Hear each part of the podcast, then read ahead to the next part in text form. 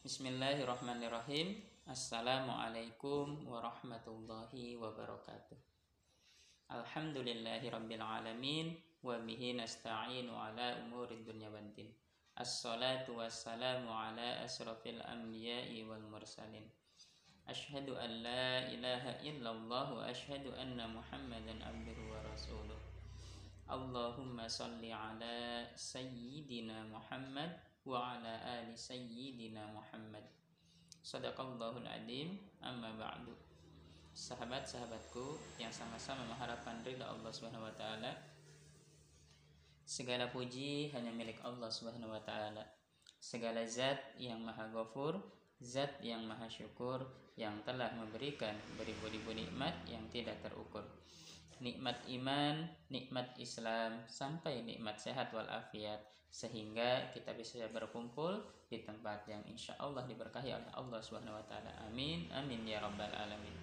Salawat serta salam semoga tercurah limpahkan kepada Nabi akhir zaman, seorang nabi yang lahirnya saja membuat goncangan alam semesta, membuat heboh para malaikat yang kalau bukan karenanya tidak akan Allah ciptakan alam semesta ini. Siapakah dia? Tidak lain dan tidak bukan yaitu Nabi Muhammad Sallallahu Alaihi Wasallam kepada para keluarganya, para sahabatnya, dan kita selaku umatnya yang mengikuti sunnah-sunnahnya semoga mendapatkan syafaatnya di yaumil kiamah. Amin, amin ya rabbal alamin. Sahabat-sahabatku yang sama-sama mengharapkan ridha Allah Subhanahu wa taala. Alhamdulillahirabbil alamin. Pada kesempatan ini Allah masih memberikan kenikmatan kepada kita semua sehingga kita dapat menghadiri kajian kita di hari ini. Baik, sebelum kita mulai kajian kita di hari ini, untuk pertemuan sebelumnya kita sudah membahas tentang pasal mengangkat kedua tangan. Dan insya Allah untuk pertemuan kita di hari ini kita akan membahas tentang pasal syarat sujud. Baik, langsung saja kita mulai kajian kita di hari ini. Bismillahirrahmanirrahim. Allahumma anfa'na bima 'allamtana ya arhamar rahimin. Rabbi jidni alman warzuqni fahman waj'alni minas solihin. Amin ya rabbal alamin. Faslun fasal. Syurutus sujudi sab'atun. Ayyas juda ala sab'ati a'dha'in wa antakuna jabhatahu maksyufatan wattahamulu biroksih Syarat sujud ada tujuh yaitu yang pertama bersujud atas tujuh macam anggota. Yang kedua keadaan dahi terbuka jangan terhalang oleh kopiah dan sebagainya. Yang ketiga menekankan dahi seberat kepalanya. Wa adamul huwi li ghairihi wa alla wa an la yasjuda ala syai'in yataharruka yataharraku biharakatihi wa ratifa'u asafilihi ala a'alihi wa tuma'ninatu fi yang keempat tidak turun selain untuk sujud. Yang kelima, tidak boleh sujud di atas sesuatu yang bergerak dengan gerakannya seperti contohnya seperti bersujud di atas ujung selendang yang dipakainya atau mukena. Yang keenam, meninggikan anggota yang di bawah daripada anggota yang di atas. Yang ketujuh, atau yang terakhir tumak ninah dalam sujud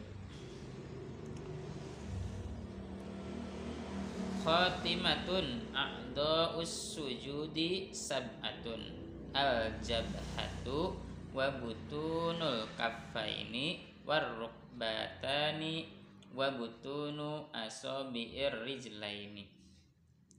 Anggota sujud ada tujuh yaitu yang pertama dahi dan yang kedua dan yang ketiga telah kedua telapak tangan yang keempat dan yang kelima kedua lutut dan yang keenam dan yang ketujuh kedua jari. Kedua jari-jari kaki.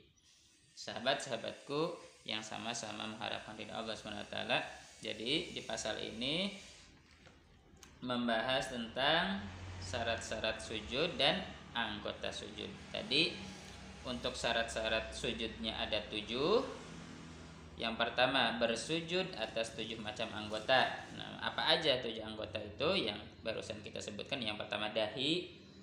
Jadi ketika sujud itu dahinya harus menempel ke sajadah ya.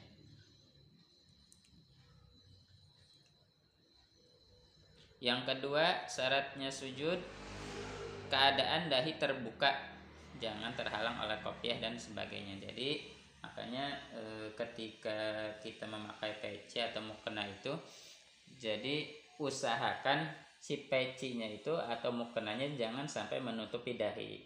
Jadi ketika kita melaksanakan sholat masih pecinya itu agak diangkat ke atas gitu. Jadi supaya dan perhatikan juga itu e, rambut rambut kita itu harus ditarik dulu ke atas baru e, si pecinya itu dipakai agar dengan tujuan si rambutnya itu agar tidak ke bawah sehingga menutupi dahi gitu sih.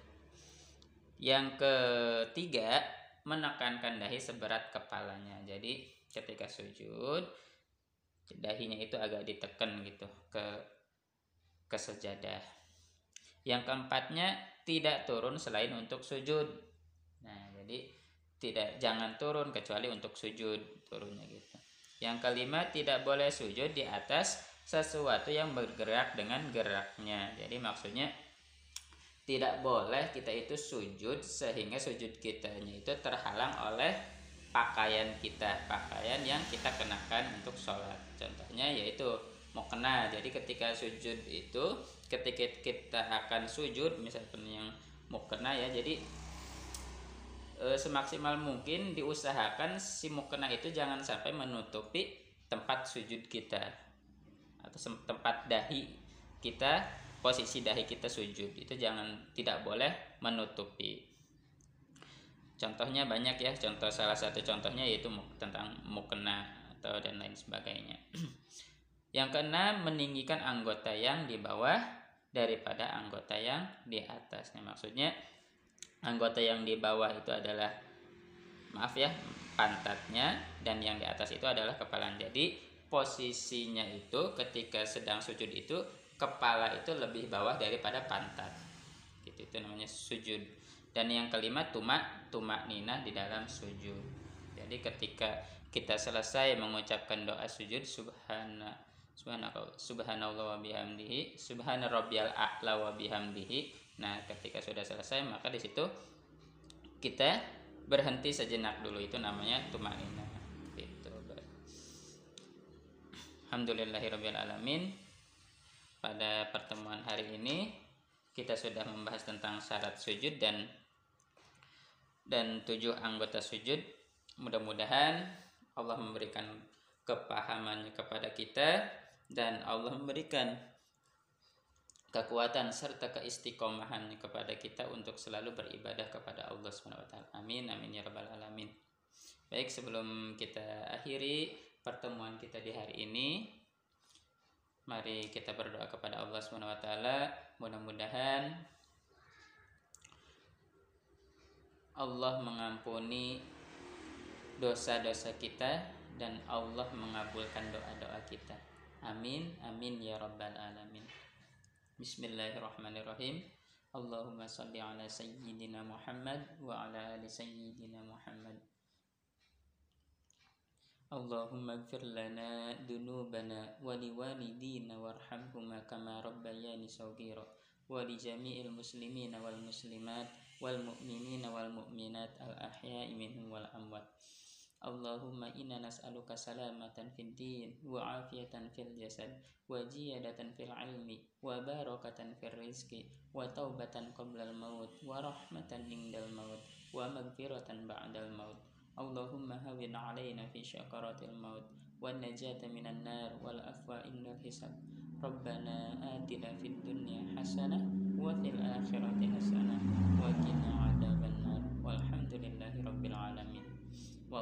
bisawab subhanakallahumma bihamdika asyhadu an la ilaha illa anta astaghfiruka wa atubu ilaik. Wassalamualaikum warahmatullahi wabarakatuh.